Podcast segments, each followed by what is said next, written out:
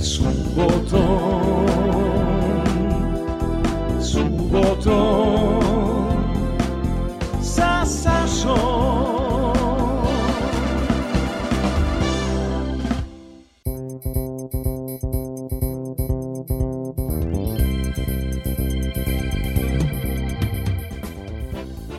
Dobro jutro, dobar dan. Subotom sa Sašom i moje veliko zadovoljstvo što vidim dragu gošću, postavio sam slike gore, gore društvene mreže, jer je ona tako harizmatična i nju vole svi pevači sa kojima je sarađivala i radila. Moja draga gošća, Marina Pešić. Mogu samo sledeće da kažem, draga moja Marina, život je lep. Posebno ako se vidimo ovako u zgradi radio televizije Vojvodine. A, I drago mi je, ja moram na ti, pošto smo se sreli na jednom lepom putovanju. A, da kažem, Marina, drago mi je što si došla. Hvala ti, meni je mnogo drago da sam ovde. Moram da ti kažem, nisi narcisoidna uopšte, s obzirom došli smo do toga kako si dobila ime po jednoj prelepoj pesmi, ali znaš, ja sam mislio da se o Marijama najviše peva o Kristinama, ali si me demantovala. Sad u liftu između multimedijalnog restorana i multimedijalnog studija prebroja smo pesme o Marinama. Koliko ih ima? Mnogo. Teško, teško je izbrojati, ali tačno je da je najzastupljenije ime u Exio muzici, tako da zabluda je da je da se radi o Nataši, Mariji, Jeleni ili nekoj drugoj. Marina je definitivno najzastupljenije ime u domaćoj muzici. Što bi rekla ona pesma Draga moja Marina, život je lep, ali ova Marina je dobila po onoj pesmi čuvenoj Marina, Marina, italijanska, Italijanska tako pesma verzija, da. i Pro Arte su je prepevale čak i Duško Jakšić, mnogo ima verzija Marine, ali nisi ništa o Marini odvrli. Moramo da kažemo moja gošća i ona divna generacija odrasla uz moj program, rođena je u Užicu i ono što je zanimljivo, njena jedna velika posvećenost muzici, fotografiji, muzičkim festivalima, iako je struka sasvim nešto drugo. Je li tako, Marina? Tako je, ja sam po struci građevinski inženjer, ali sam uvek volela muziku i da odlazim na koncerte i da kažem i kad sam išla na koncerte i ranije i u detinstvu volela sam da posmatram sve to, da upijam šta se dešava na bini, da slušam muziku, kasnije sam fotografisala sve to za neku svoju ličnu arhivu iz publike, eto za neku svoju uspomenu sa koncerta da bih e, eto nekoliko godina kasnije došla u situaciju da fotografišem iz dela ispred bine i da mi to postane i neki dodatni posao. Da.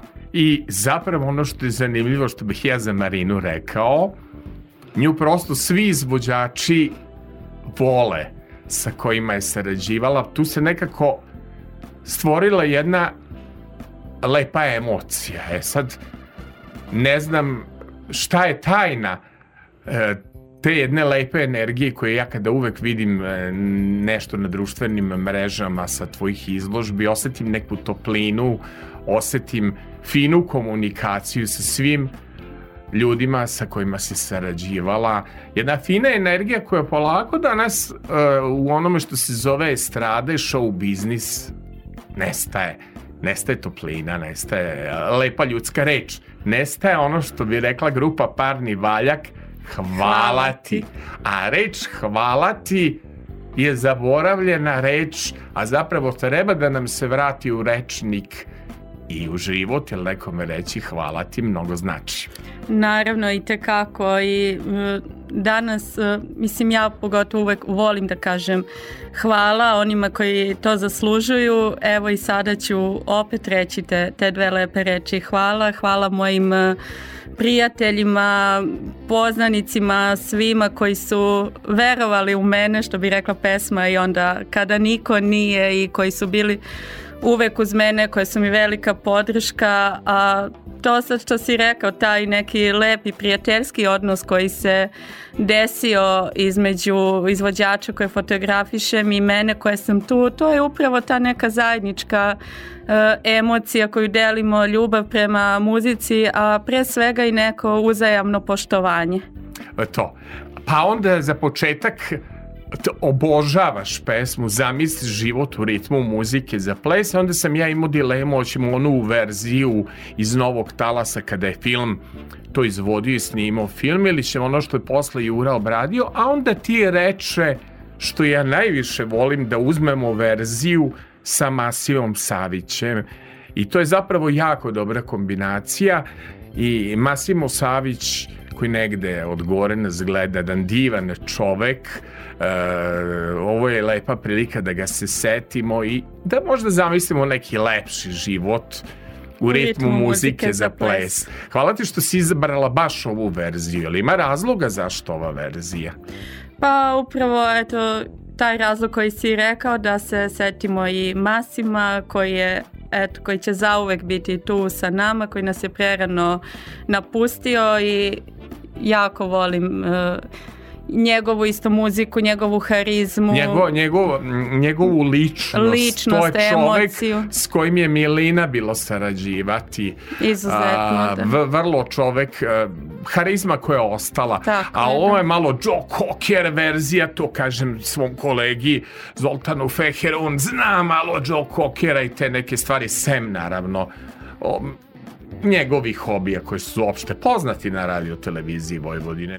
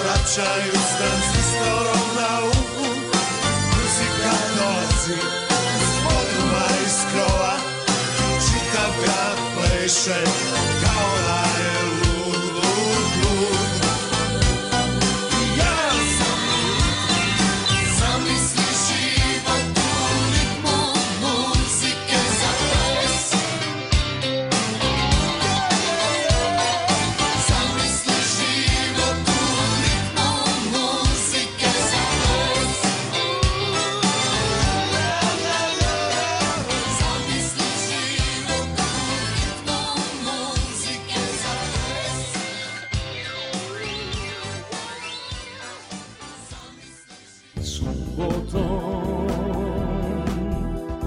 subotom, sa Sašom.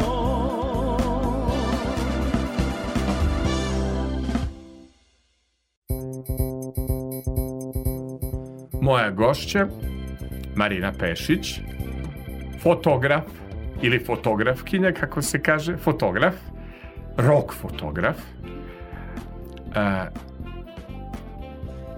Koji je izvođač Marina? Neko ko je ostavio posebnu impresiju. Sad smo rekli o Masim, pa sigurno je to biti i Jura Stulić, ali vidio sam još na društvenim stranicama i na sajtu Moć muzike video sam još par fotografija.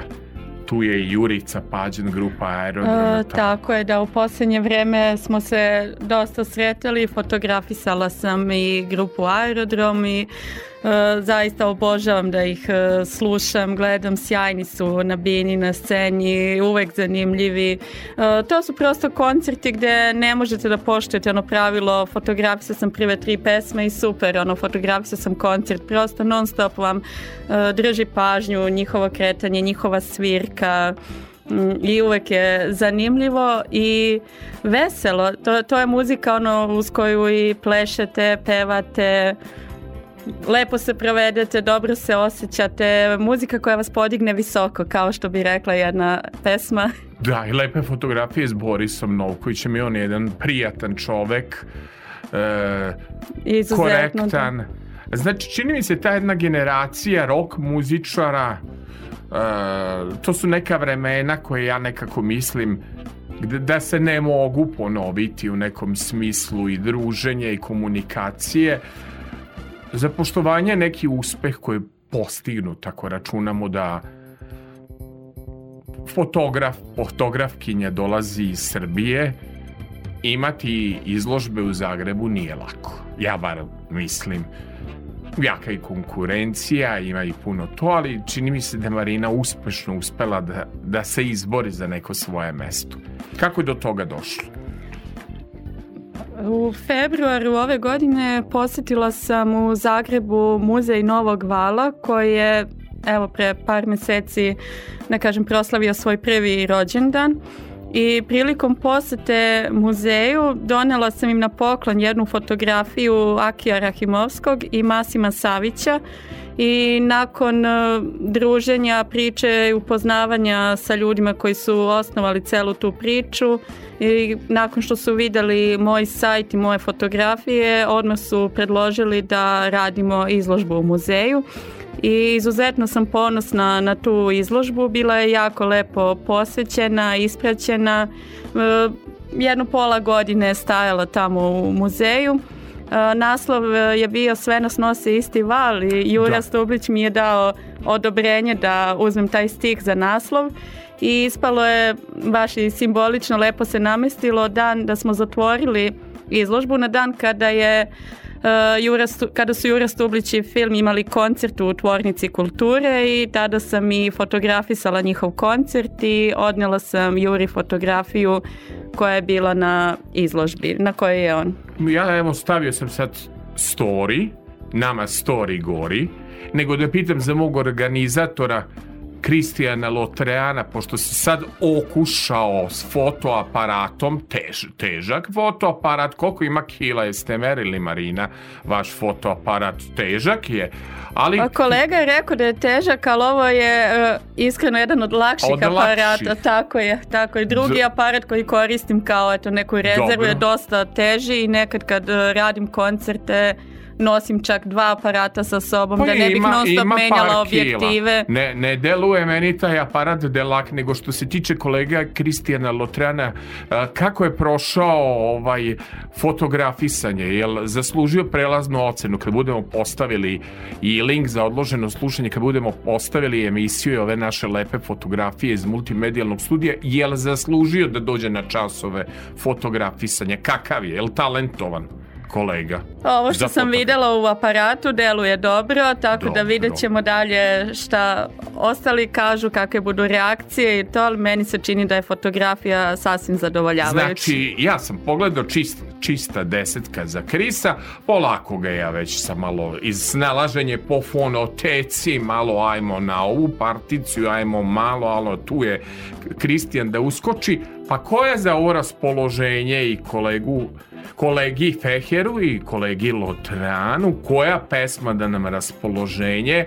Grupa Aerodrom. To je baš vesela pesma ovako za ove praznike, za ove dobre situacije. Svi krenemo da džuskamo uz ovu fantastičnu pesmu grupe Aerodrom. Ja mislim da je Rajko Dujmić radio aranžman. Digni me visoko, prelepa i vesela pesma grupe Aerodrom.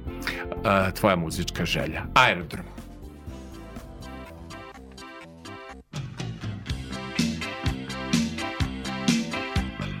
Uzmi me sa sobom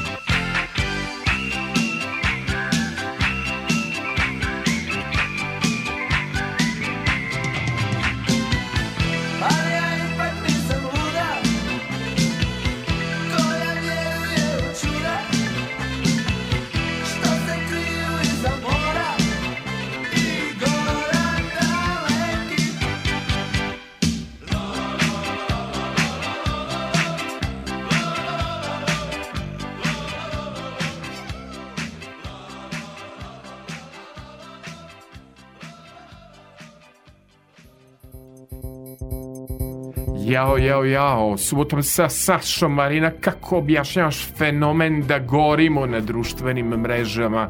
Postavio sam fotografiju stižu srca. Da li je istinita priča da je Jurica rekao šta će ova devojka za fotoaparatom? Ona treba ispred, kao danas u emisiji Subotom sa Sašom kolega Kristijan da slika, a Marina da pozira. Da li je istina da je to rekao legendarni Jurica Pađen, frontman grupe Aerodrom? Jurica mi je dao izjavu pred izložbu u Zagrebu i baš tako napisao i to je dalje otišlo za medije da e, da je Marina trebala zapravo da bude ispred objektiva, ali odabrala je drugu stranu e, i da eto, beleži sve te trenutke, da čuva rock and roll, ne znam sad tačno da, da citiram, ima i na sajtu, imaju sve te izjave. A što se tiče nas i mreža, pa to je zato što mi širimo dobru energiju, osmeh, pa evo čak i u ovim decembarskim danima, eto možemo da slušamo i neke letnje hitove, da širimo dobru energiju, je li tako, Sale? Tako je. Evo i moram i da kažem, eh, a što se tiče građevine, s obzirom da uh, si završila master studije građe, jesi to, je se baviš i tom strukom? Da. Uspevaš da stigneš Uspevam i da budeš nekako, da. i u toj struci da se baviš umetnošću e, i e, pratila si od avgusta 2016. godine fotografisala probrane muzičke događaje za koji portal Novosadski Remix Press. i E. imaš svoj sajt Tako je, moć, muzike. Kakva je moć muzike, Marina? E, velika, jaka, e, dobra. Dobitnica si i specijalnih nagrada, hoćemo da kažemo koje ili ja da kažem ili ćeš ti, glas žene u muzici na međunarodnom fotokonkursu i glas koji se vidi slika koja se čuje 2017. godine. 2018. godine dodeljena je plaketa na međunarodnoj izlo, izložbi koncertnih fotografija čisto oko puno srce, jer potrebno za dobru rock fotografiju čisto oko i puno srce. Jeste, jeste. Dobro. A kakav treba da bude muzički ukus? Da li je za život potreban osmeh? Na primjer, kad se slikam na mrgođen, koliko ću da imam lajkova ili kad stavim osmeh, ko, kako će mreže da gore, ili ono je moj prst Uvek, karakterističan. uvek samo za osmeh i dobro raspoloženje. A, I to sad, e, kako smo rekli, puno srce. Evo, jedna od muzičkih želja mi je bila, mislim, ako stignemo sve da ispratimo, i pesma od U grupe Rock and Roll. E, naj, e, naš najdugovečniji bend i moji veliki prijatelji, bend koji mi je puno pomogao u mojoj karijeri, koji me uvek podržavao i baš u jednoj pesmi, e, baš u jednom delu pesme kažu potrebno je samo srce predano i veliko, na kraju samo jedno ostaje ili živiš za rock and roll ili ne znaš šta je to. To je to su reči koje najbolje opisuju rock and roll, da je zapravo samo potrebno srce predano i veliko. A ja bih sad predložio jednu temu, Dragom Linarac je u pitanju grupa 220, moj omiljeni film je išao uz tu temu, koji je na mene delovao dosta antidepresivno, jer su nekad i depresivna teška vremena. I pesma Osmeh, uvek kad čujem grupu 220, a, dešava se osmeh na mom licu. Osmeh mi je light motiv. Pa idemo s kompozicijom grupa 220 osmeh.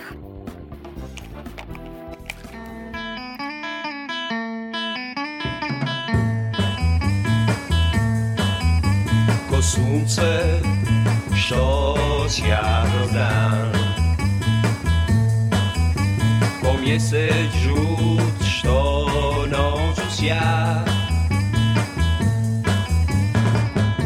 tako mi draga znaj izgledaš ti dok se smješkom promatraš svijet. Ko jutra što dolaze zorom ko rosa što na svijetu sja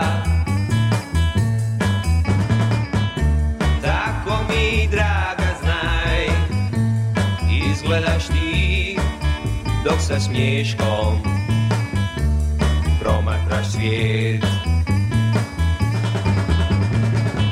Nie mieniaj nikada swój ośmiech blad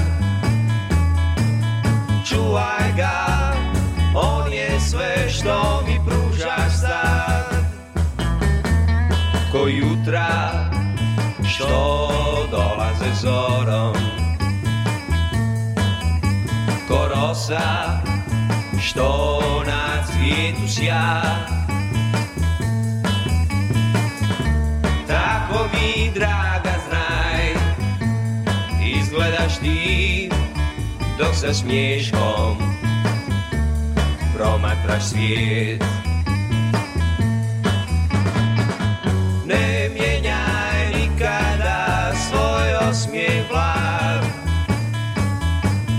Čuvaj ga, on je sve što mi pružaš sad.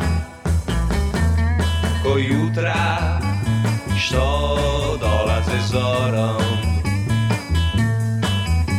Ko rosa što na cvijetu sja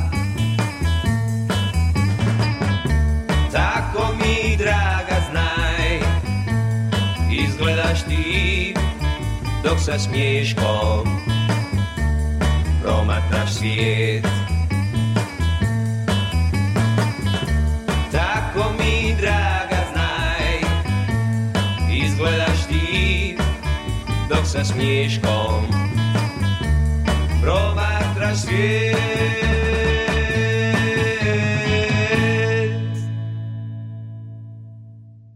Subotom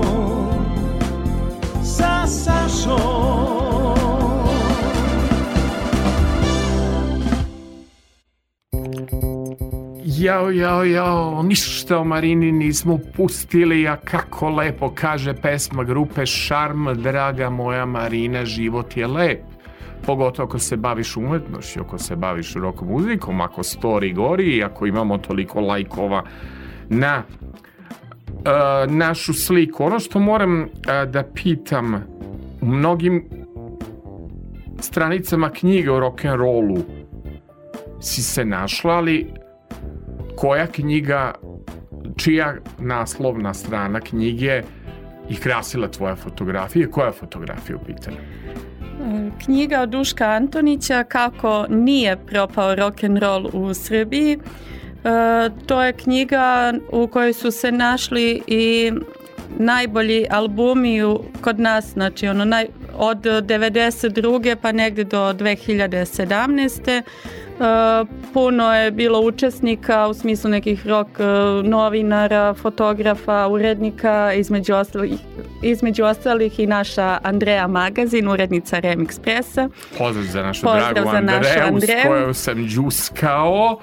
I na kraju je se formirala lista od 100 najboljih albuma. Dobro. A na naslovnoj strani te knjige je romana iz benda Art and Lily. Ja sam autorka te fotografije. A Bend je sve više e, e, ovde kada su u pitanju moji slušalci zanimljivo e, svaki možda peti gost poželi nešto tog benda znači izuzetno su slušani, imaju svoju probranu publiku, a šta ćemo sa izložbama? Ko će to pobrojati? Što samostalnih, što kolektivnih? 1, 2, 3, 4, 5, 6, 7, 8, 9... Mislim, ima mnogo izložba. Uh, Devet samo- samostalnih i kolektivnih? osam kolektivnih. Da. A koja je bila posvećena ženama? Uh, Zvuk ženskog srca, to je bila, sad ne znam koja po redu, možda peta ili šesta samostalna, uh, koja je simbolično otvorena na 8. mart, uh, koncertna fotografija na kojoj su samo ženski izvođači, ali nedavno je otvorena još jedna izložba posvećena damama na muzičkoj sceni. U pitanju je kolektivna izložba u Sarajevu, žene u Eksiju rock muzici. Otvorena je u Exiu Rock centru Sarajevo za prvi rođendan centra i to je kolektivna izložba koja će biti ujedno i stalna postavka muzeja. A, da li su, dakle, te žene koje si slikala harizmatične? I šta je potrebno uopšte da bi se postigao uspeh, da bi se e, postala zvezda ili neka žena, diva da tako kažemo u e, rock muzici. Da li je potrebna harizma i koliko to foto aparat prepoznaje fotogenične ljude? ima ljudi koji zrače na fotografijama. Što kažeš da je, vole ih fotoaparati. Tako je, znači to, to su ljudi koji su harizmatični naravno i da ih voli fotoaparat, da su kako bih sad rekla, i nasmejani, i dobri izvođači, da nisu samo i statični, znači prosto da uh, kao i svi, znači prosto ono, ili to nosiš u sebi ili ne, da moraš nečim da, Da- da da zračiš, da pleniš. pleniš, da. A što se tiče same fotografije, uhvatiti taj neki poseban moment, to je sve stvar trenutka i za to je potrebno istrpljenje. Ne može e, sve da nastane baš onda kada želimo, je, sa, sad ću da napravim tako i tako. Prosto sve je i neko čekanje i neko strpljenje i neka posvećenost. Ja moram e, samo da pitam e, vezano e, za fotografiju. Da li je to danas s obzirom jel, da svako sa mobilnim telefonom je postao fotograf, da je invazija na društvenim mrežama ljudi koji se slikaju, da li je lako u takvom vremenu koji je dosta uh, dalo pod navodnicima fotoaparat svakome u ruke, da li je lako ostati u poslu ili se još uvek ceni kvalitetna profesionalna fotografija. Ja nekako imam utisak vezano baš za tvoj posao da si cenjena, da si stalno na putu, da nikako da dogovorimo ovo gostovanje, jer si stalno u pokretu. Da li to znači da ipak ove moderne tehnologije nisu uspele da naškode onome što se zove profesionalna fotografija, jer kako vidim, putuješ i radiš. Nikako da se nađemo, je li tako? E, tako je, pa očigledno je da postoji razlika i dobro si to zapazio. Zaista danas na koncertima svi nose telefone, fotografišu, a to je to nešto na brzinu da se stavi na društvene mreže, ali opet e, fotografija koja ima bolji kvalitet, e, drugačija je, vidi se razlika, vidi se u štampi, vidi se upravo eto tad kad se prezentuje i na nekim izložbama i e, čistije su, jasnije su, da, da se zamrzne taj neki trenutak.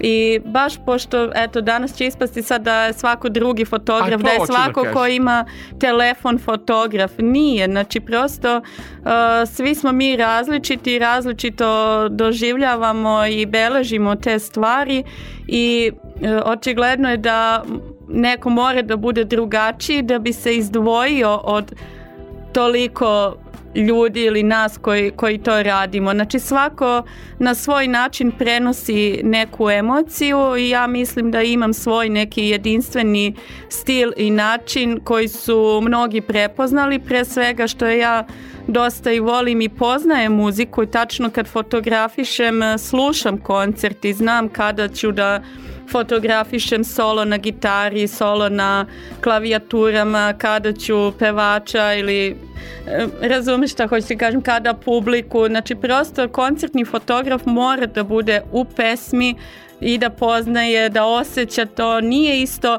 da je neko samo fotograf i da fotografiše, na primjer, venčanje, modu, pejzaže i sad eto on ima fotoaparat, on će da uradi koncert. Može, ali upravo se vidi razlika kod nas koji i volimo tu muziku da damo neku drugačiju emociju kroz svoje radove.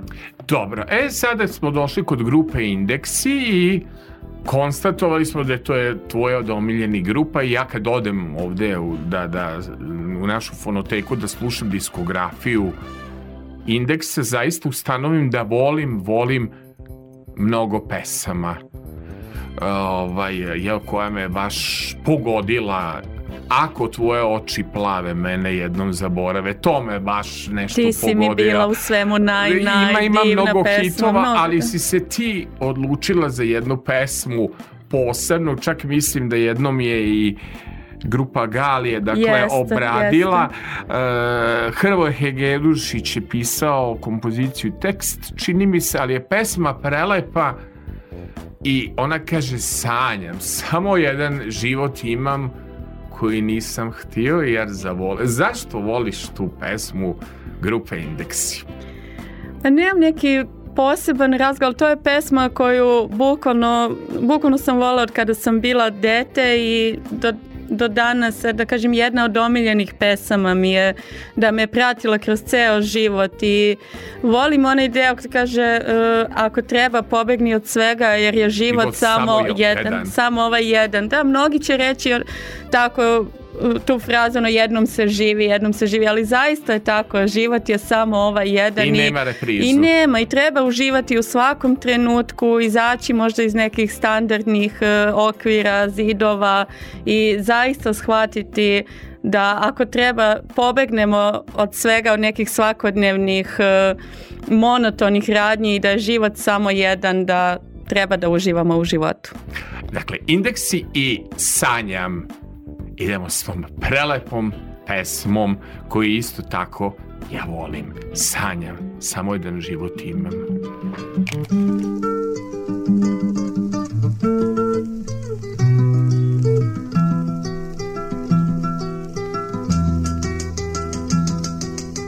sanjam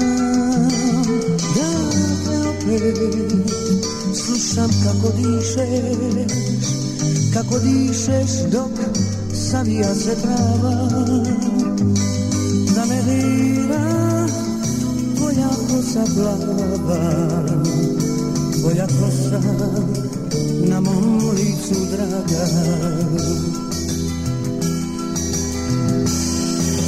Sanjam da se opet volimo u klasiju U tom klasiju što leži tu pod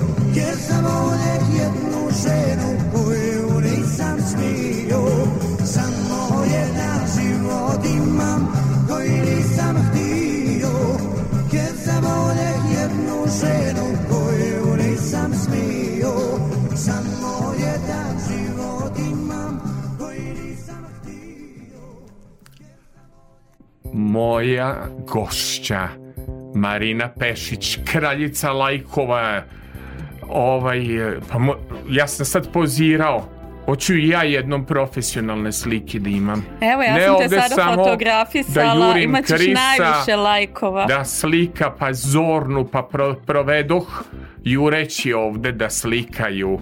Ajde, malo smo sad zornu i uspeli da obučimo što se slikanja tiče već Javit ćeš veće, mi veće broj lajkova. Ja javljam, inače Za je ovo što sam te ovo- sad fotografisala. E, pa ja to čekam da dobijem onako na mail kako se gospodski ovaj dobije, nego mi je ambicija da napravim ovde podcast, da napravim influencera ovde u ekipi, malo da bude modern s tim mrežama i sa tim stvarima, pa hvala ti Marina, šta da kažem. Nadam se da ćemo se opet videti na putu za vodice u onom autobusu gde pevamo i igramo, gde sam ja DJ, a vi moje prateće vokale. Ja se nekad osetim kao Daniel Popović, a vi kao da ste sestre Baruđije, kao da ste Julie. Ili kad pustim kokolo, osetim da smo magazinci. Evo smeje se, setila se tih divnih putovanja. Mo, moje flash memorije ovde su na radio televiziji Vojvodine toliko tražene i folderi gde je probrana muzika. Evo, pitaj ljude. Kažu, imam muzike za 12 sati putovanja autoputem i natrag. Znači, to što ja imam na svojim hard diskovima i što volim da imam, redko ko ima. Ali Verujem, nekad... jedva čekam neko naredno putovanje, pa taman e, prvo sledeće i bilo vodice, ali ono zaista bilo prelepo jedno putovanje i tako brzo prošao put uz tako dobru muziku Pa i ko je bio zabavu. DJ? Pa ko je Idemo i bio sledeće DJ? godine, Pa, pa takvi Sale. meni dolaze. Pitaju me šta je, inače zapratite me, Aleksandar Filipović, Sasa, zatvoren e, profil na Instagramu i Aleksandar Filipović, nemam otvorene profile, namerno, pošaljite mail kako ljudi dođu, pošalju kao ja što je bila dobra emisija, pa evo uz neku kafu, uz čaj, slušam mnogi ljudi i slušaju odloženo kad vide link na, ovaj društvenim mrežama jer se tako često tagujemo radio koji si išao u narod i jedan dinamičan modern radio gde dolaze divni mladi ljudi koji vole muziku nekih starih dobrih vremena šta da kažem Marina sem ono što ti voliš od tvojih izvođača što voliš u životu hvala ti Hvala i tebi. Zašto se treba smejati i zašto treba reći hvala ti. Tebi su svi tvoji saradnici rekli hvala ti. I baš si insistirala da ide ta pesma hvala ti od grupe Parni Valja Valjak. kao sećanje na nenadbašnog Akija Rahimovskog, divnu osobu takođe. Šta to znači hvala ti u re, rečniku naših generacija? Da li je to lepo vaspitanje? da li je Lepo to vaspitanje, to je jedna posebna kultura, e, manir, Pa hvala ti što si me tako lepo slikala, javit ću ti broj lajkova. Samo ono što se tiče pregleda na story, ja ću ti reći za ovih sat vremena imamo 100 poseta na storiju, vidi, nije malo. Hvala neki, tebi. neki plaćaju da imaju toliku frekvenciju, a mi onako idemo na čistu emociju. Naravno, hvala i tebi što si me pozvao da budem tvoja gošća, uživala sam i evo za kraj možemo da čujemo od parnog valjka. Hvala ti, Hvala ti, Marina. hvala tebi Sale. O, ovo je bila Marina Pešić. Hvala. pred vratima njenog stana Ja sam ostavljao svoje brige I dileme i strahove Odagnati ona je mogla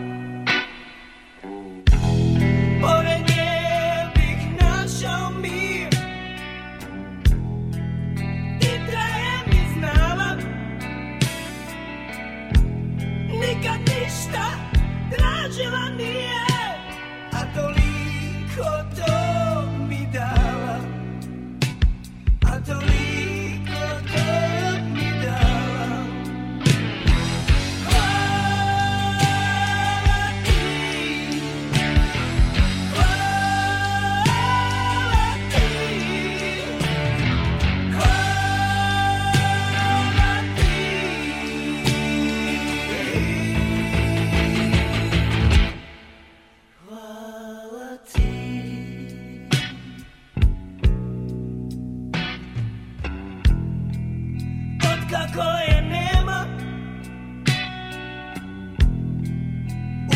koliko mi znači. Nikad, nikad, nikad više Takvu ženu neću naći. Takvu ženu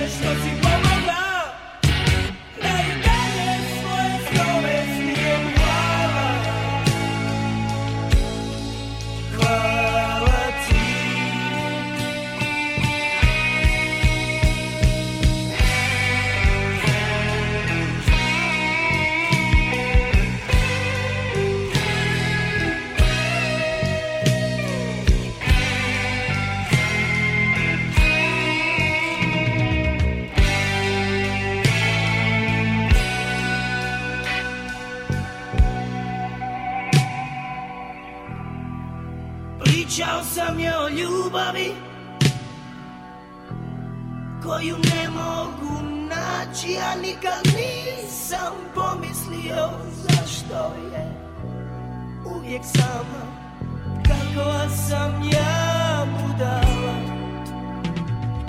Kakva sam ja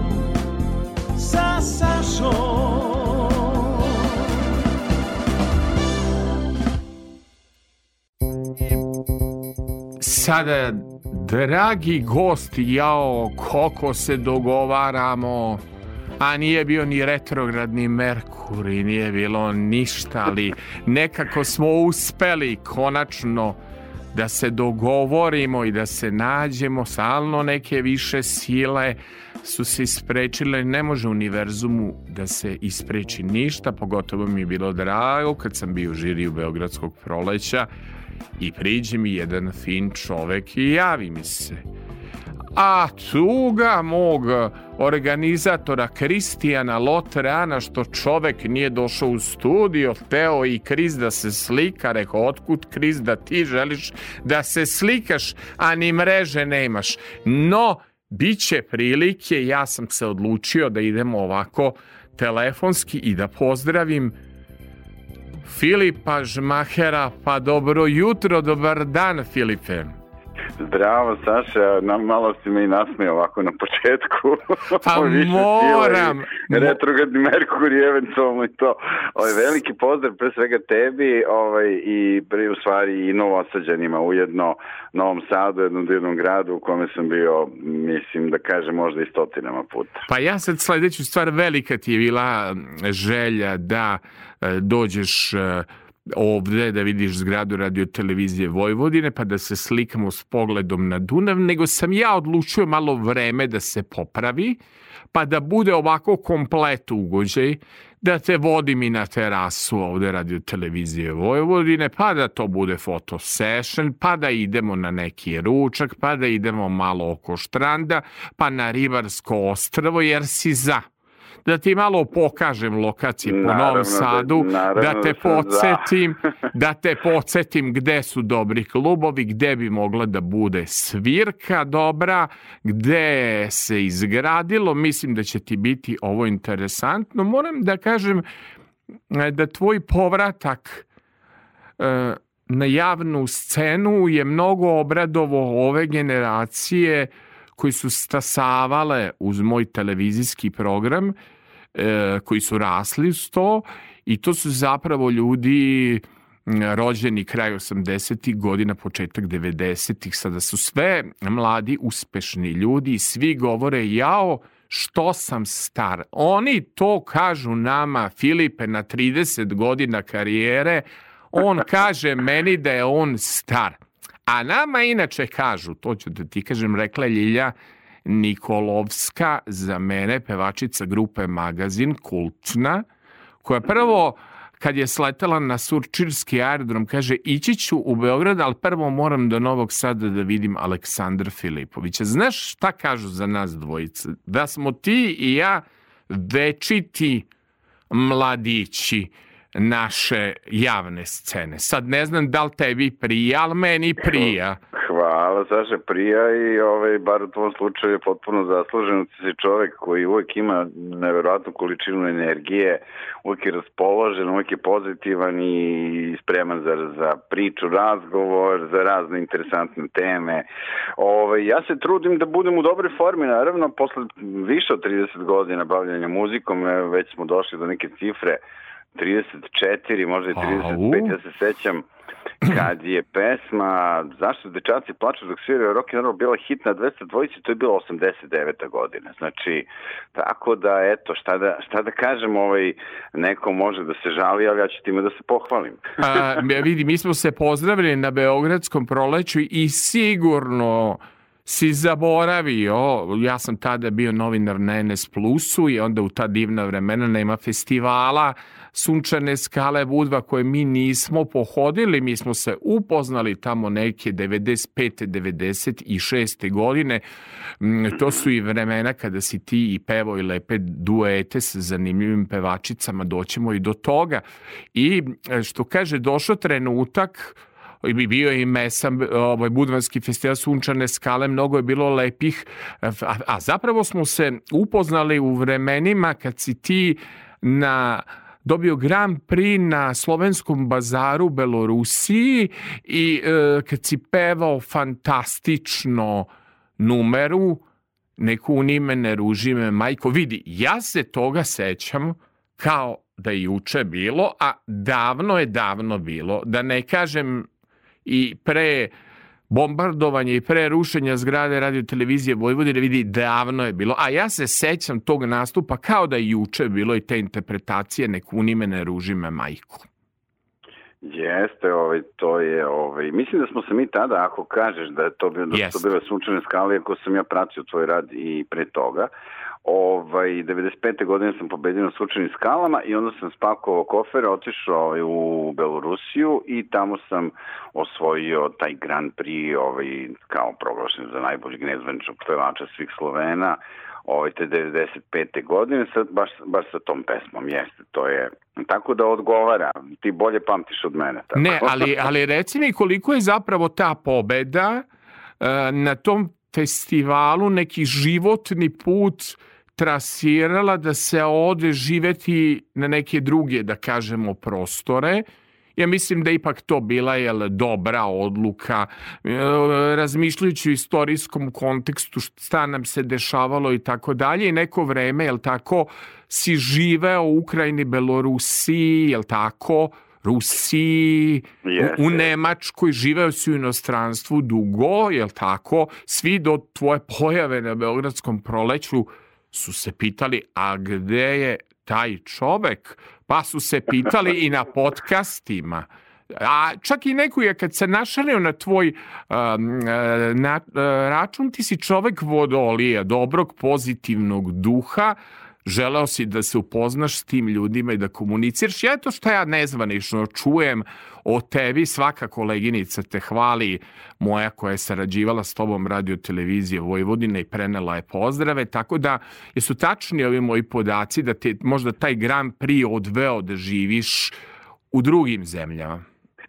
Pa jeste zapravo, to je, kako da ti kažem, to je bio u 95. godine kad je Sovjetski savez bivši se, da kažemo, rasformirao ili raspao, ovaj, taj festival u Belorusiji, to je slovenski bazar, on je bio praktično kao u Srbiji, u, izvinjavam se, ne u Srbiji, nego u bivšoj Jugoslaviji, da kad se dešava recimo festival Belarsko proleće ili Opatijski festival, recimo da kažemo da je to neka 73. godina, kad je to bilo, kad smo imali samo dva nacionalna programa i svi su čekali, cela ovaj, zemlja je čekala da pogleda te festivale, da vidi šta se tamo dešava. E takav ovaj, takav format je bio i praktično i takav značaj tog festivala je bio u celom bivšem Sovjetskog savezu, da ne nabrajam, znači Rusija, Ukrajina, Belorusija, sve bivše Sovjetske republike, pa čak i Bugarska, mislim, i Poljska da su prenosile ovaj, delimično taj festival koji traje nekoliko dana, Tako da ovaj, pobeda na tom festivalu meni donala tamo jednu veliku afirmaciju, čak su bile neke tu, da kažem, novinarske spletke, da su neki kompozitori navodno dobili ponude da se rađaju sa, sa mnom, Bilo je vrlo zanimljivo, ovaj, svakako mi je to dalo jedan dobar vetar u leđu na tim prostorima, tako da sam se ja sticam okolnosti već 98. godine ovaj, otisnuo za Kijev, e, potpisao ugovor na godinu dana o saradnji sa jednim producentom, da bi se ovaj, kasnije ovaj, nastavila jedna moja slobodna vožnja kroz kroz te prostore 2001. godine i trajalo je sve praktično do danas, mislim naravno sad ovi nemili događaji su sprečili mogućnost bavljanja tom profesijom i smatram da nije sad ni do pesme zbog svega što se dešava tamo, ali ovaj, svakako sam puno proveo, puno živeo, puno kilometara prešao vozovima, avionima, kamionima, što kažu kolima i ovaj, to su velika prostranstva i ne bih sada da podcenjujem našu scenu ili naše prostore, ali tamo su koncerti ovaj, uglavnom rađeni na, to je ono maltene, ako je nastup, pa nije ispod hiljadu, hiljadu i po ljudi. To je kao minimum bio. Znači, uglavnom su to bili koncerti na stadionima, na trgovima, na ovaj, znači, velikim scenama i, kažem, najmanje nastupi su kao dom kulture, a njihovi domovi kulture, znamo koliki gradovi su u Bivšem Sovjetskom savezu, ovaj, to je bilo, kažem, najmanje po hiljadu ljudi do dve, pošto su ti standardi veći. Prosečan dom kulture u, u Srbiji ili Jugoslaviji ima, ne znam, 400-500 mesta i to je to. A tamo je to od hiljadu, hiljadu i po pa nadalje. E, raspričao sam se. Nema A, veze. Verovatno si pomislio da. na Daška i na Mlađu tako koji su se tako. malo šalili, koji imaju fantastičan podcast. To posle preraslo i u druženje i u saradnju koji ovaj i kad kažu nešto duhovito na tvoj račun, to je zaista duhovito i ti ne možeš da se prosto ne nasmeješ. Ali ja bih sada, znaš, pripremajući se za emisiju, pa s obzirom da sam eto imao mogućnosti da slušam e, tvoje pesme, da slušam album u dobrom kvalitetu. Ja kako sam razmišljao da pojedinoj pesmi treba dati šansu, onda zapravo sam shvatio da ova pesma Čujemo se sutra, a koja je bila na Veo Songu, ima onaj zvuk koji ovi 30-godišnjaci koji dolaze kod mene mm, vole, to je taj neki elektropop, prosto oni to sve vole, taj neki zvuk koji je negovala beogradska pop scena. I onda sam shvatio da zapravo ta pesma s kojom si se predstavio, kada je slušamo ovako za radio, e, dobija neku dobru dimenziju i jako mi je hitična i kad sam se spremao za ovaj naš razgovor, čitao neke tvoje intervjue, gledao, na YouTube-u, čitao, shvatio sam da mi je pesma jako hitična i da treba da se daje e, šansa takvim pesmama, da kod nas malo nekad algoritam radiostanica, e, uredništvo raznih televizija, čudni su neki putevi kako oni to biraju, ali ja sam shvatio da je to lepa pesma i ta pesma treba da se vrti. Da li se slažeš sa mnom? Meni se jako sviđa što je to e, neki elektropop i što ima jedan lep zvuk i za džuskanje i za onako, onako mainstream koji bi mogao da se sluša u kolima i, i, i čini mi se ovaj, e, kad je prošla sva ta halabuka oko Beosonga e, da ova pesma ima neku svoju energiju. Eto, ja nekako, kad sam se spremao, stalno sam na repit vraćao to i vraćao i vraćao tu pesmu. Hvala ti, Saša, puno. Ovaj, pa, mislim, sad zvučat ću pristrasno, ali u suštini, naravno, slažem se sa tobom. To je jedna pesma koja ima jednu jako, jako pozitivnu energiju koja je priča o jednoj neni, koja je samostalna, koja je ovaj, onako vođa ekipe uvek, koja je izgodna i seksi.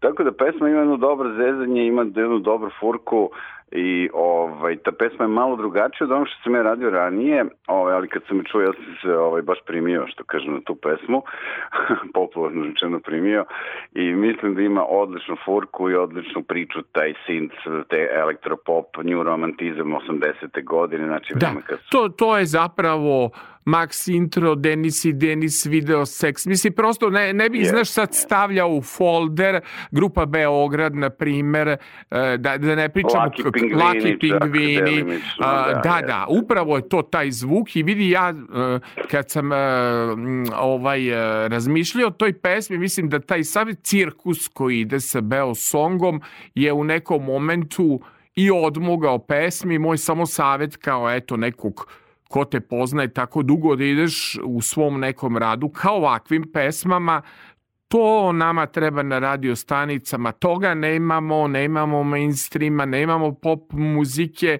i mislimo na, na onaj neki hard rock zvuk koji si ti imao u 90. godinama, ovo je jedno pomeranje po meni pitkom popu koji bar voli ova publika koja dolazi kod mene, oni su sve nekako uspešni ljudi, urbani, uspešni IT inženjeri, doktori, ljudi koji su odavno ugasili televizore, sami biraju svoju muziku preko platformi koju slušaju i mislim da i treba na neki način, pošto su moji bar slušalci specifični, ljudi s ukusom, mislim da im treba ukazati novu pesmu pesmu, pa idemo na moj hit ovog dela emisije koji kaže čujemo se sutra, ali ne znam zašto sam napisao vidimo se sutra, verovatno kad bi Filip i ja pričali o anegdotama koliko to naše viđenje ovaj se dogovara, ali nećemo, pošto ćemo se nas dvojica i videti, ovo je samo uvod u naše viđenje. Čujemo se sutra. Filip Žmaker.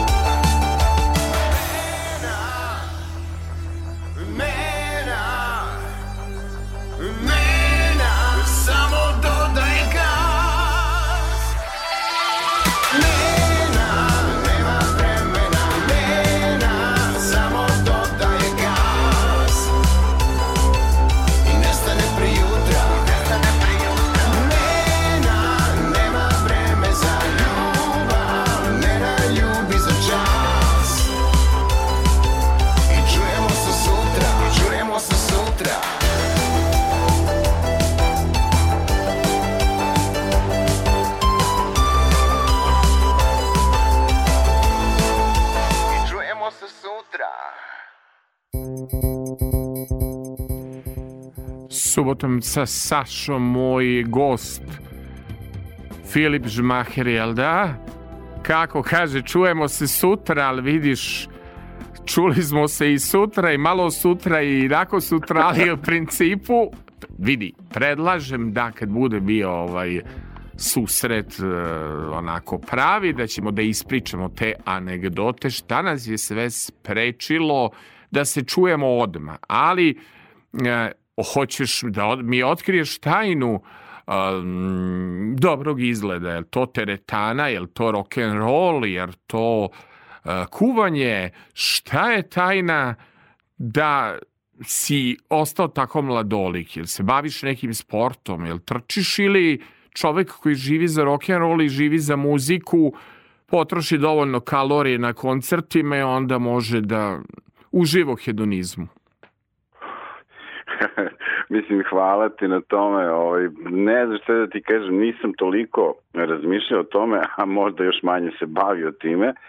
Pa eto, da kažem da relativno živim neki život koji ne mogu da kažem da je baš potpuno zdrav, ali imam to pravilo kad se umorim ja uzmem pa se odmorim. Divno. Ne preterujem sa nekim ovaj lošim stvarima koje mogu da naruše zdravlje. Ovaj, i, ali mislim da ono što najviše čovjeka može da drži to je pozitivna energija i, i, i ljubav kao univerzalna sila, glavna. Či ljubav prema ljudima, ljubav prema muzici, radiš ono što voliš, e, crpiš, dobijaš pozitivnu energiju kad nastupaš, posle hodaš sa osmehom bar nekoliko dana posle jednog lepog nastupa kad ljudi vidiš osmehe. Mislim da je to ovaj neki pokazatelj da kao eto nešto se dešava, nije ništa uzaludno, postoji ljubav, postoje pozitivni ljudi, postoji ovaj komunikacija, tako da mislim da je to ono što svakog, da kaže homo sapiensa valjda drži u životu i puni ga nekom pozitivnom energijom, tako da eto, mislim da eto toga još uvek ima u mom životu i bilo je uvek i mislim da je to ono što je najvažnije. Ja, ja moram da kažem, samo čini mi se da u današnje vreme nekako je muzika postala poput brze hrane, a ja nekako se sećam i valjda su i ta vremena bila i ti televizijski nastupi, ja se sećam e, tvojih dueta e, sa e, različitim divama e, različitih žanrova muzike. Sećam se i nastupa sa Jadrankom Jovanović, Stanjom Banjanin, s Draganom Mirković i sa grupom Osvajači. To je ne, neverovatno. Sve što smo u tim godinama gledali na televiziji, urezalo nam se u sećanje. Svaki neki taj festivalski nastup, e, pobeda, ostala nam je u sećanju. A danas kao da smo ušli u to doba brzog konzumiranja, a ovaj gde zapravo kao da se nema vremena da se zastane i da se obrati pažnja na nešto drugo. Eto, kako se ja svega toga sećam iz tih nekih vremena, svakog festivala, svakog televizijskog nastupa, a danas upalim 20 televizija pa mi ne ostane ništa u sećanju. Imaš li ti takav utisak? Pošto smo bliski generacijski, e, ne otkrivamo godine, ali e, bliski smo, Ja sam blizanac, meni je moj ovaj, e, prijatelj rekao da si ti vodolija, ne znam da li mu je e, pogrešna informacija, ali Jesam, jesam. a, dve godine razlike između nas dvojice neću više otkrivati, ali zašto se meni sve to iz 90-ih urezalo, a zašto su mi sada neka vremena koja mi ne prijaju uvek, način konzumiranja muzike. Jel me razumeš, ne prija mi, više mi prija Tom Jones ili prija mi Joe Cocker ili e, Korni grupa, sećam se e, tvog nastupa tamo, sećam se Bate Kovača. Zašto ja te sve ljude pamtim, a ovo danas ne pamtim?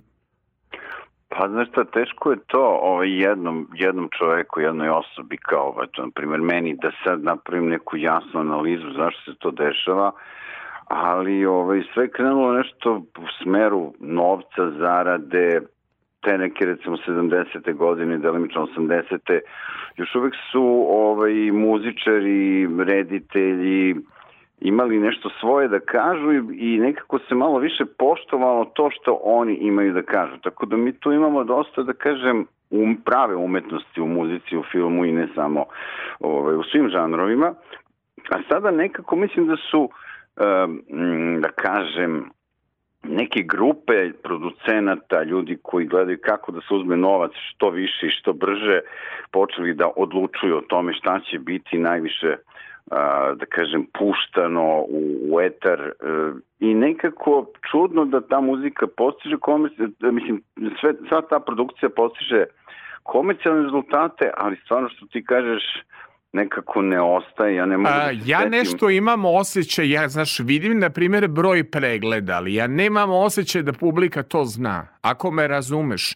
I nemam osjećaj koliko god da je miliona u tim pregledima. Znaš šta je otprilike neko ko je po, poznat ili neko ko je bio na nekom festivalu, kad to kažeš u frizerskom salonu ili kažeš u marketu, a ovo i ti imaš ličnosti, imaš nastupa, ti ne znaš ko su ti izvođači koji se pojavljuju ovaj, po tim portalima, po tim novinama, po tim stvarima, ne kukam, nego eto samo konstatujem. Je li istinita priča da si nesuđeni pevač grupe Smak?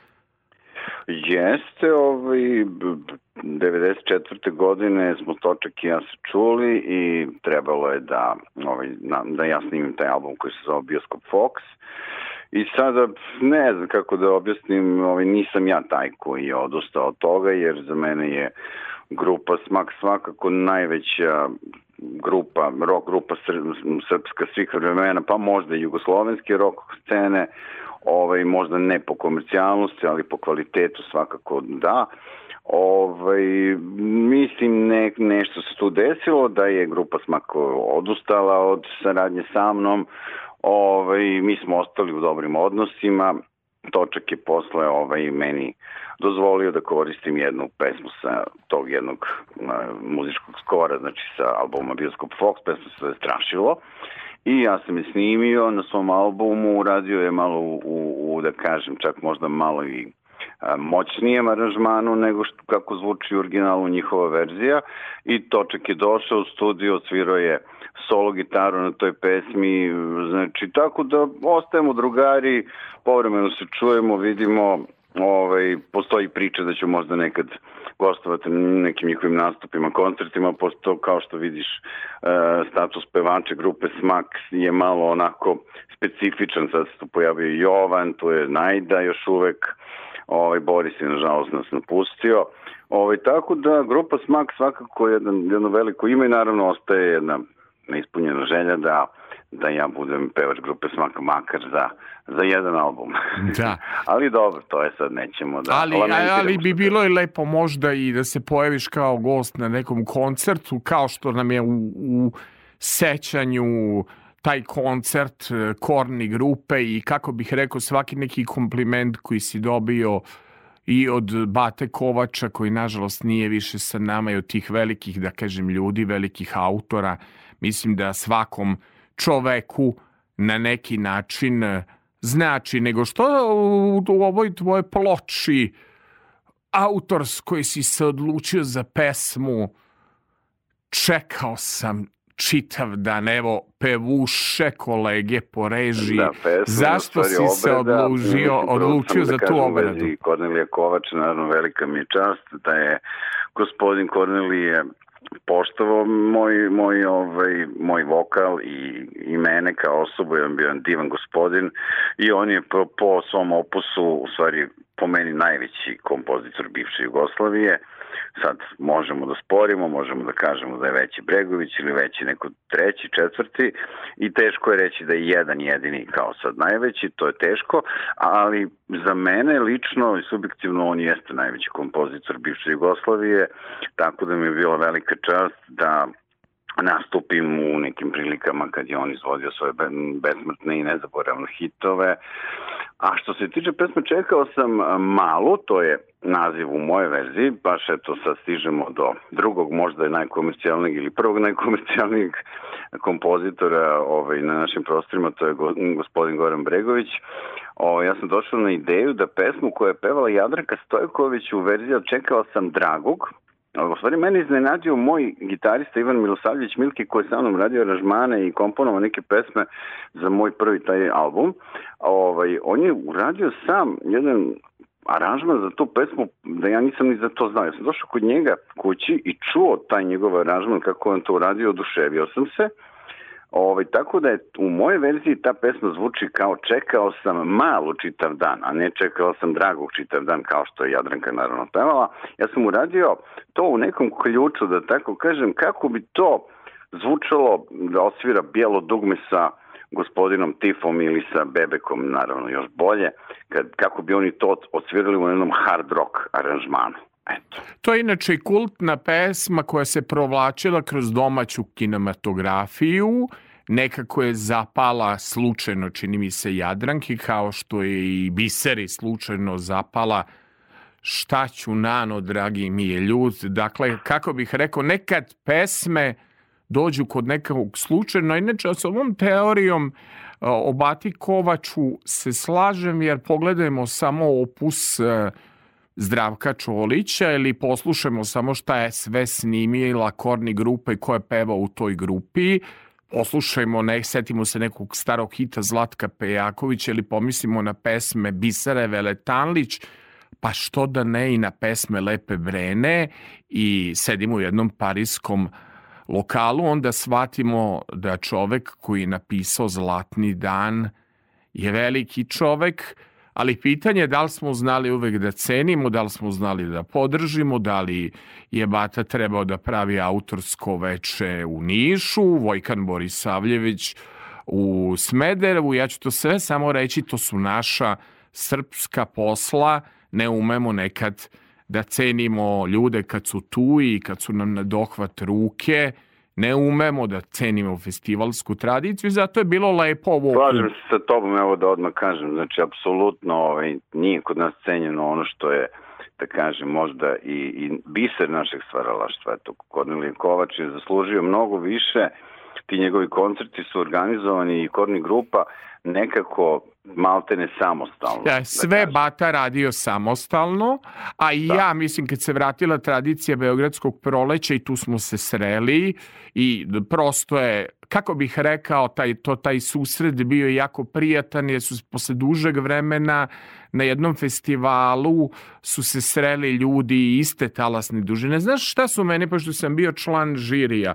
šta su mene gledaoci svi slali su mi mnogo poruke na, na, na društvene mreže i ovako i rečenica je bila Saša, zašto mi ovakvog programa nemamo više? Zašto mi nemamo takvih festivala? Dakle, znaš, kad dobiješ 200 poruka od uh, ljudi koji pitaju Mene, ja kažem, nisam adresa, imate institucije, imate organizatore, imate...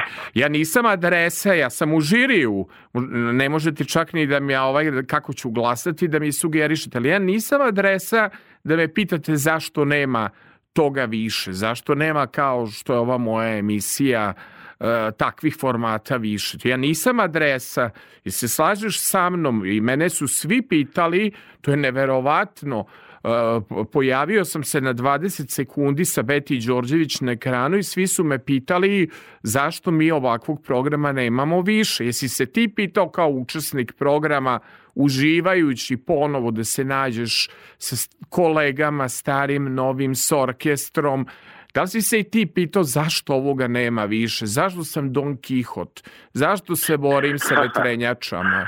Jesi se Dobro si zapitao? to- Dobro si to rekao, ja se praktično pitam to već više od 30 godina, jer čak i te 90. iako je to dosta daleko, prošlo 30 godina i više od mog, da kažem, početka muzičkog na našoj sceni, od tog nekog pravog solo početka, Pitam se jer ovaj nekako postoje budžeti za kulturu navodno, postoje neke pare koja, koje treba da se ulože u nešto što treba narodu da da možda i neku edukaciju i, i neki smer u smislu razmišljanja i ljubavi ka umetnosti, ka pravim stvarima, međutim ja ne znam zašto zašto taj isti Kornelije Kovač i, i, i, i njemu slični ljudi ne dobijaju tu rekogniciju i ne dobijaju tu dozu podrške i finansijske podrške kao što, na primjer, verujem da u Hrvatskoj Oliver, Man, Oliver Dragojević bi uvek bi trebao, mislim, i verovatno I ima imao mnogo veću podršku, podršku. i medija. U, u, i- uopšte i, tamo znači, diskografije, ali govorimo o poštovanju, ajde pogledajmo samo kako izgleda program, Uh, njihov katalog i poštovanje dakle nekih umetnika ta, tamo ima je, jel poštuje se kao što postoji ona fenomenalna mi- emisija gde se pe, mlade talenti jel tako izvode e, ovaj e, veliki hit. To je pozdrav za kolegu Duška Ćurlića. Ja uvek volim kako Duško prenosi ovaj Euroviziju i Duško je moj dragi prijatelj i kolega ovog puta samo sa društvenih mreža, ali oni imaju A stranu, ja mislim da se tako zove. Da, da, ovaj, to- toliko je dobra, da. produkcija dobra u smislu jedan gost me vozio i puštao mi je samo produkcijski kako to zvuči, da je to bilo dobro. No, moram da ti kažem, bilo je divno Mi smo vidjeti imali te... emisiju koja nije ista, mislim, po formatu, ali imali smo recimo tri boje zvuka koja je bila jako dobra emisija i sa jako dobrom muzičkom produkcijom i vizualno, međutim iz nekog razloga je taj projekat ugašen i ne ide dalje a ne vidim razlog zašto RTS ne nastavi sa tom, e, znači tu, tu može stvarno mnogo, mnogo tu da se napravi, jer ta emisija je imala jako dobru gledanost. Znači, tako da uvek može, a zašto se na tome ne radi? Ja, ja Ovaj, bih vratio hit meseca i Dubravku Ducu Marković, ako me ne pitaš e, šta su želje, ovaj, ali ajde, pošto nam je kolega e, pevao pripremajući se za emisiju stalno čekao sam, ajmo da čujemo tu pesmu i da te pitamo Da, da. šta si čekao i šta ćeš da dočekaš ili šta čekaš u perspektivi. Idemo na čekao sam malu čitav dan.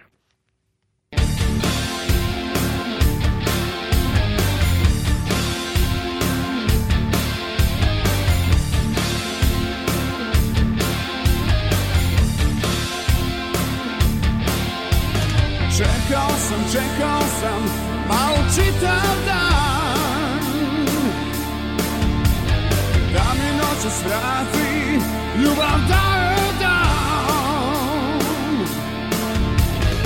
Ustao da čekam, baš sam naljut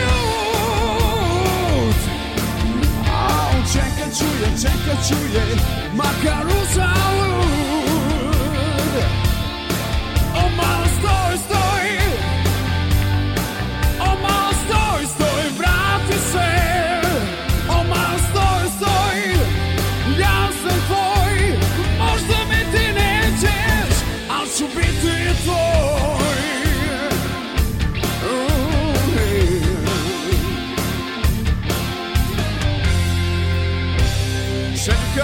Čekao sam, Malo celu noć. Iako sam znao da mi neće doć. Ljubit sam je hteo, ali je rekla ne. Čuje, čeka čuje Jer volim je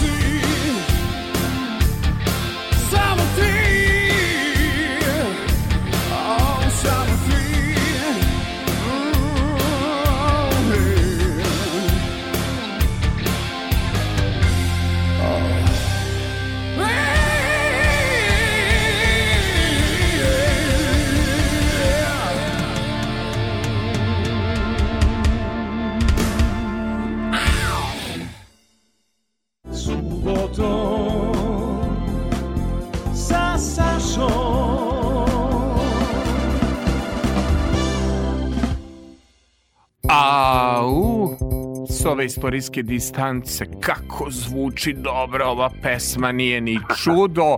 Kristijan Lotrean što mi peva po ceo dan, pa samo kaže kad će da dođe Filip, što nije došao ovako li... Ma ja kažem, čekao sam, čekao sam, ma ima i hiljadu godina i to je light motiv nekih njegovih pesama, mora to da se krčka kod Filipa.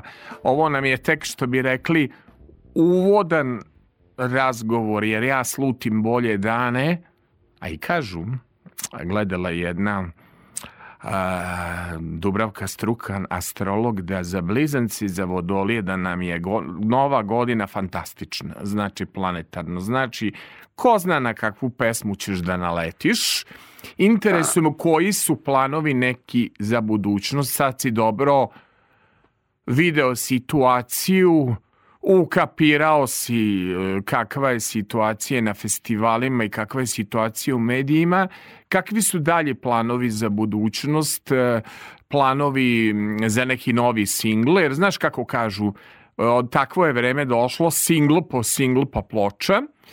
Kakvi su planovi dalje, da li je svirka to što te čini srećnim, da li možda nastup na još nekom festivalu, da li neki novi izazov? Lično, mislim da je ova pesma Čujemo se sutra, ipak uh, produkcijsko-komercijalni pomak u odnosu na ovaj zvuk uh, iz 90. godina koji je jako jel, kvalitetan, ali vremena su se danas promenila, zahtevaju malo neka nova pakovanja muzike. Kakvi su planovi za budućnost? Sem da se vidimo ovde u Novom Sadu posebnim povodom, ali ne smem još da ti otkrivam koji će biti povod.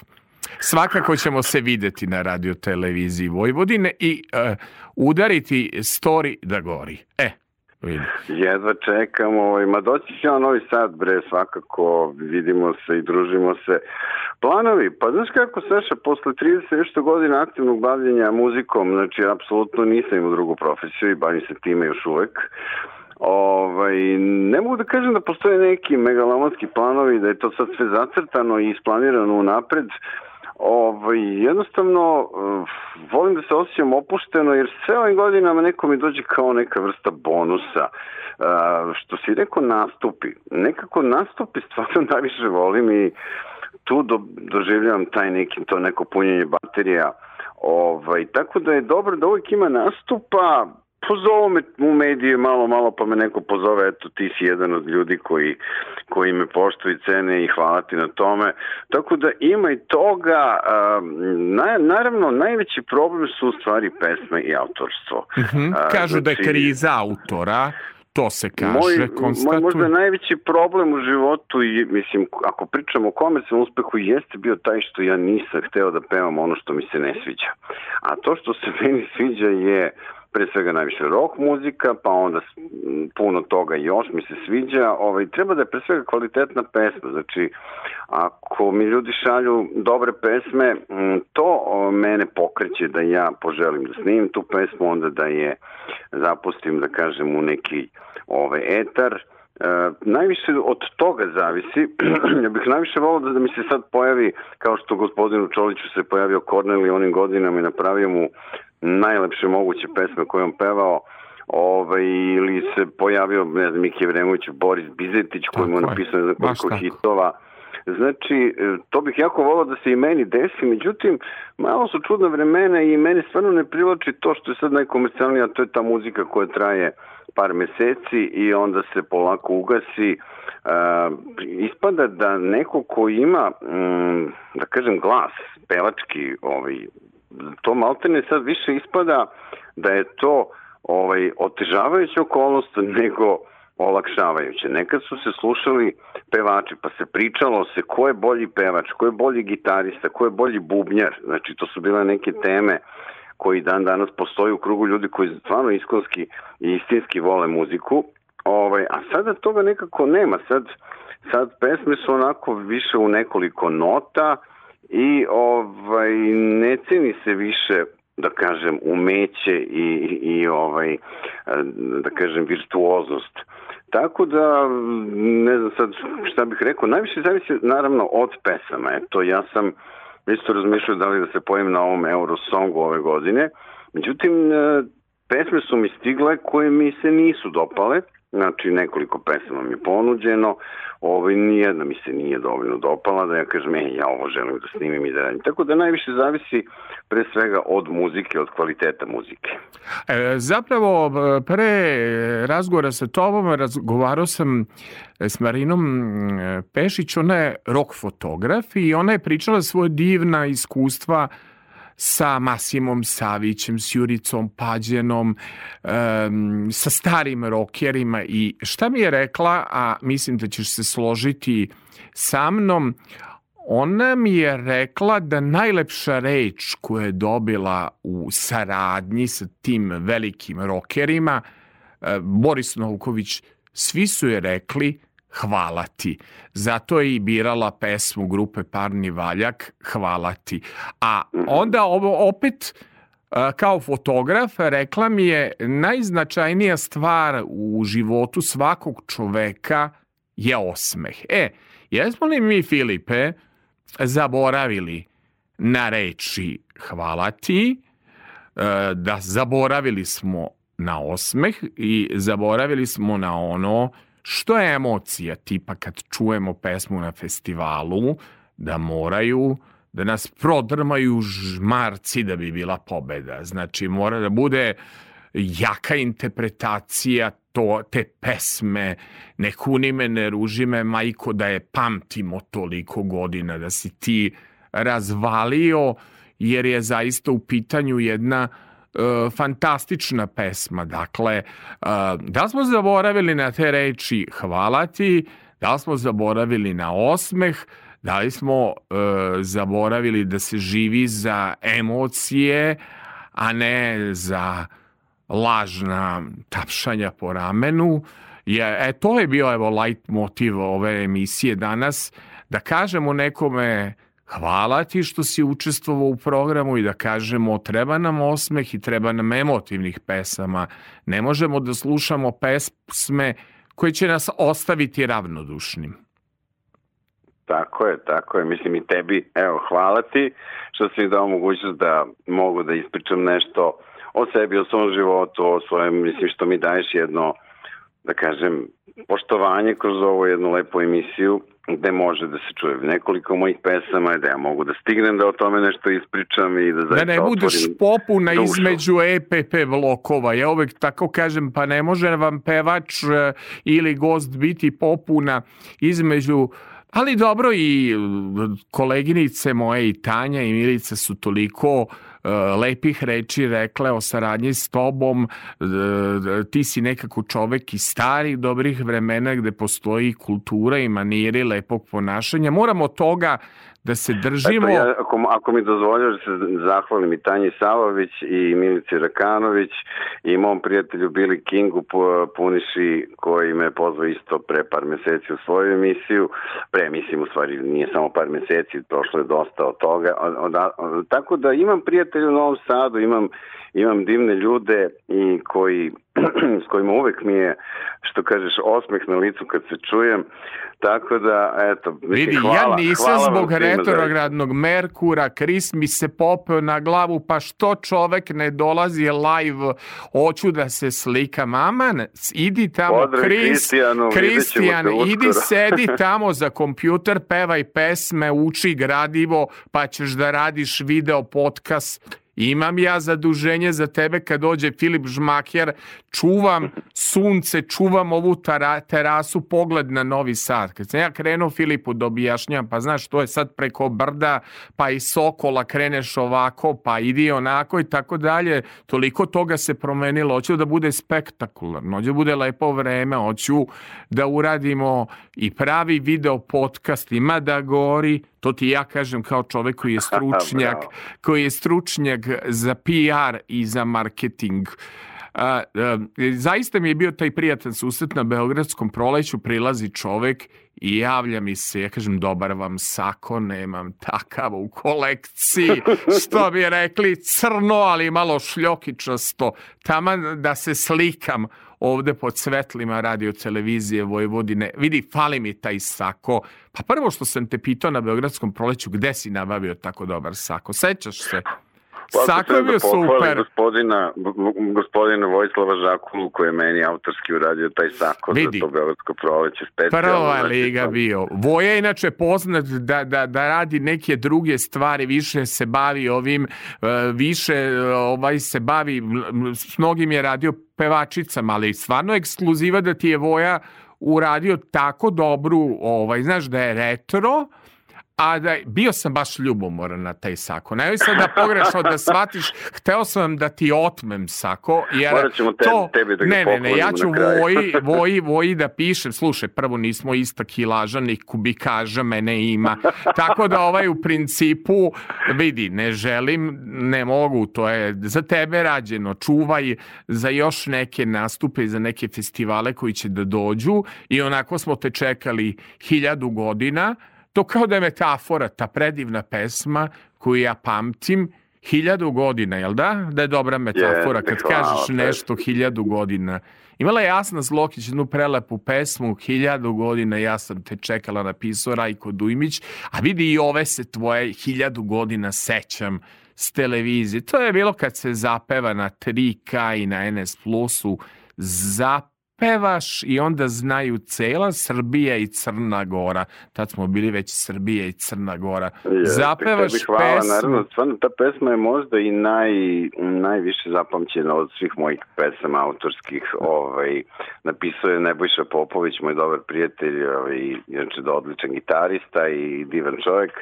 I ta pesma nekako među mojim, ako mogu tako da kažem, fanovima je nekako najviše pustila uh, koren i ostala onako u sećanju. Ej, ali znaš kako ti se ja sećam? Ajde ovako da kažemo. Znači, pevaš a, ovaj, i razvaljuješ. Mislim, to je onako taj moj osjećaj e, koji sam ja imao kao novinar koji je bio na festivalu i kod je pratio. To, mislim, isto mi je bio osjećaj, to sam Tanje Banjanin svoje dragoj prijateljici rekao kad je ja činim sve, nekad ne voli da peva tu pesmu. Ja kažem, došla si na festival, imala probu glasovnu, došla na scenu, izdominirala. Tako je jedne Ta, godine, ta, sećam ta se. pesma, ta pesma, izvini sad ako te malo prekidam, znači ona kad se pojavila, mislim da je to bio Budvanski Da, festival, Budvanski. 96. mislim godine. Bio, imam kasetu. Znači, ja sam taj, snimio to na VHS, ja sam to slušao jedno sto puta i njeno izvođenje u polufinalnoj večeri i u finalnoj večeri. Znači, ta pesma je to njoj tako legla i ona je ona je iz- izuzetna pevačica zaista, znači ta njena boja glasa, taj njen ovaj raspon u toj pesmi potpuno se otvara a, i, i, mislim, mislim, i emotivno i glasovno, znači ta pesma je meni jedna od najboljih ikada snimljenih pesama na našim prostorima, a da ne pričamo o 90. godinama, to je jedna od 5-6 najboljih pesama. Vidi, imao si prilike da sarađuješ i sa Jadrankom Jovanović i Stanjom Banjanina. Vidi, moram nešto i da ti kažem. Mislim da Dragana Mirković pričam o njenim fanovima. Ubedljivo žena iz oblasti folk muzike, po meni, koja ima najvernije e, slušaoce skoro 30 godina i mislim da je žena dosledna sebi i svoje karijere i svom životu i nekom stilu. Imao si priliku i s njom da pevaš i sa osvajačima. Eto, to su sve neki dueti koje ja pamtim, ali eto, s festivalskih nastupa mene nekako uvek si mi asocijacija hiljadu godina, jaka pesma i kao da je metafora nekoj tvoje karijere, nekog tvog života, nije bio ovde hiljadu godina i odjednom se pojavio na Beogradskom proleću i odjednom, vidi, ne znam šta je to, možda nisi onako agresivan kako su danas mlađi ili ne, ne, nemaš agresivne PR-ove, ali vidiš, imaš finu emociju uvek kod koleginice i kolega koji kažu zovi, zovi ga, s njim će ti biti super razgovor, imaćeš osmeha, neće te čovek nervirati, nije baksuz, nije ugorsuz, nije negativna energija, nije namćo. Ja samo moram da spomenem, pošto si ti ovaj, spomenuo hiljadu godina uh, i Beogradsko proleće uh, ponovo, znači ja sam se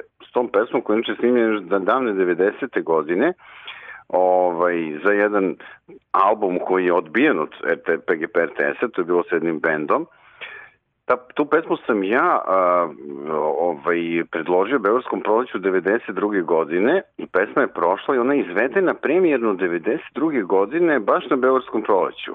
Da bih ja nastupio 2002. godine na tom obnovljenom Beogradskom proleću posle celih 30 godina od, od prijateljnog nastupa.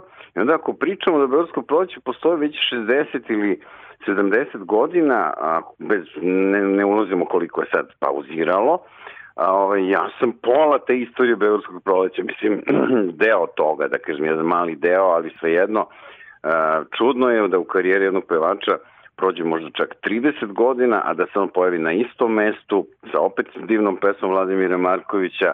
Ovaj, tako da koji inače po meni napisao jednu od najlepših isto pesama u istoriji Beogradskog proleća, to je pesma Sanjam, koju je 93. godine pobedila sa tom pesmom Madame Piano. To je Da, predivna koja je pesma. predivna pesma, sećam se, koja je Jeste, ovaj... i Vladina pesma koja je jedan divan beogradski autor, inače poznat iz Vlada i Bajka, Dua, ovaj, znači tako eto interesantne stvari se sklapaju, ovaj, hiljadu godina prva pesma s kojom se pojavio na Beogradskom proleću, eto prošlo je 30 godina, ja sam se opet pojavio, tako da eto, to su neke stvari koje mi, onako da kažem, is- ispunjavaju mi grudi ovaj, pozitivnom energijom. Slušaj, nemoj da te čekamo hiljadu godina kao što smo te čekali 30 godina, da bi se ti i ja videli tamo iza scene Beogradskog proleća i da te jurim za taj sako, da te pitam gde si kupio to, jer mi se svideo sako. Znači, sad da ti kažem, ne smem kao član žirije da ti kažem za koga sam glasao, ovaj, kad se sproje, zbroje glasovi ovog žirija, onog žirija, ne kažem ja da je to to kako smo mi glasali, ali činjenica da si imao i nastup, i sako, i sve ono. Znaš, najgore na festivalu zabavne muzike kad ti je ravno, kad ne upamtiš ni autora, ni pesmu, ni ništa, ni to. Nemoj da te čekamo hiljadu godina Filip Žmakir.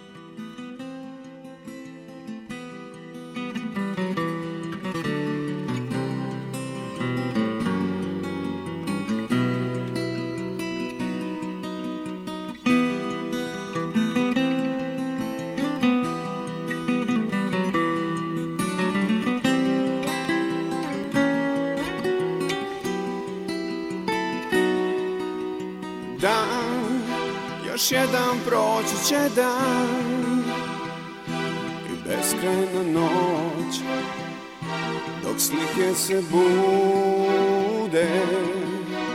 Ti što vatru budiš mi još Otplovi daleko Daleko od mene. Nađi još jedan lažni san Negde Gde nikog nema.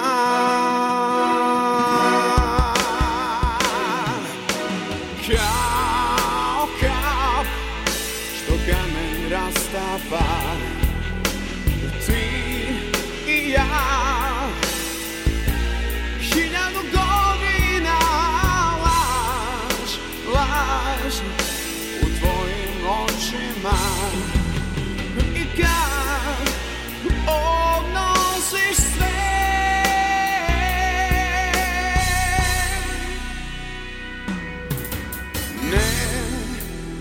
ne rasipaj su moju moć Nek tinjam u noći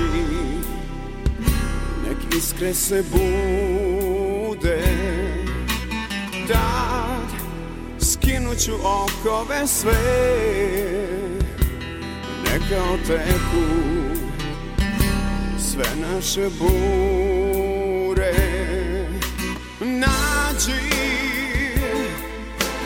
još jedan stari san. Nekad kad nikog nema.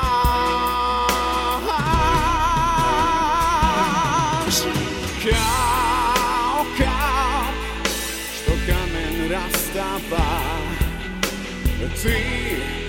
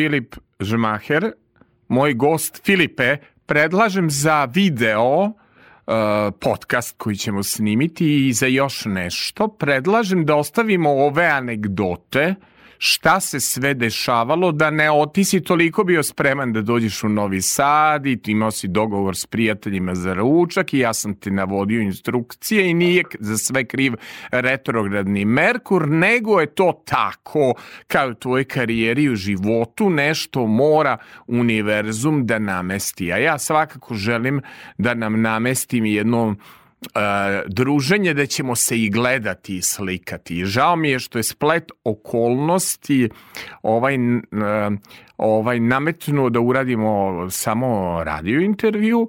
E, bile su neke, si- ali mo, želim te anegdote da ostavim zato što verujem kad ti to budeš Filip ispričao e, našem slušateljstvu i gledateljstvu da će se ljudi smejati koliko smo se ti i ja puta dogovarali i šta se onda umeđu vremenu desilo. Ali spasao nas je jedan pas. Ne smem više ništa da kažem. Pošto ja kad tebi uvek se javim, ti ne veruješ da se to sve dešava i ne veruješ da ćemo da se uključimo. Dakle, rekao bih, dogovaramo se hiljadu godina. Pa dobro, ipak smo uspeli, eto, i, usp i bit će toga još.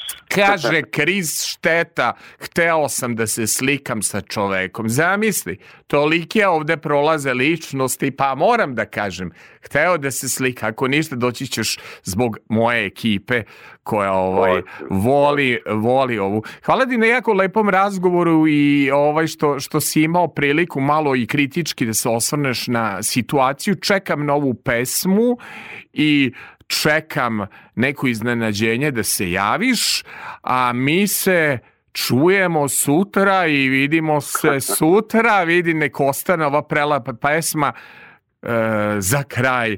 Zahvalnost mom ton majstoru, Zoltanu Feheru, uvek čelični živci kad sam ja u pitanju na moju vrisku ciku intonaciju u mikrofonu. Hvala kolega Feher. I Kristijan Lotrean za prijatelje zvan Kris. Ovaj, slušali ste još jednu emisiju Subotom sa Sašom. Moje formate možete slušati na odloženom slušanju www.rtv.rs odloženo slušanje Subotom sa Sašom i Čuvar noći specijalna vas čekaju iznenađenja i što se tiče prazničnog programa i što se tiče video podcasta koji smo uradili i što se tiče a humorističkih uloga u kojima se pojavio Saša Filipović a, gostovanja u a, spotu jednog pop rock benda. Sve su to iznenađenja koje ja pripremam u novoj godini jer kažu od aprila dobre planete za blizance i vodolije pa da poslušamo. Hvala ti puno Filipe, veruj mi da se ti ja vidimo i čujemo ne sutra ni ne preko sutra, vidimo se uskoro. Hvala ti puno na ovom Hvala. gostovanju Hvala, i Saša, veliki pozdrav celoj ekipi i zahvalnost i ovaj, Novom Sadu, naravno, pre svega. vidi, ima tu par koji te čekaju na ručku, neću sad da pričam kom je pisao na društvene mreže, nek slušaju link pa nek se javi. Za kraj čujemo se sutra i Filip Šmaher.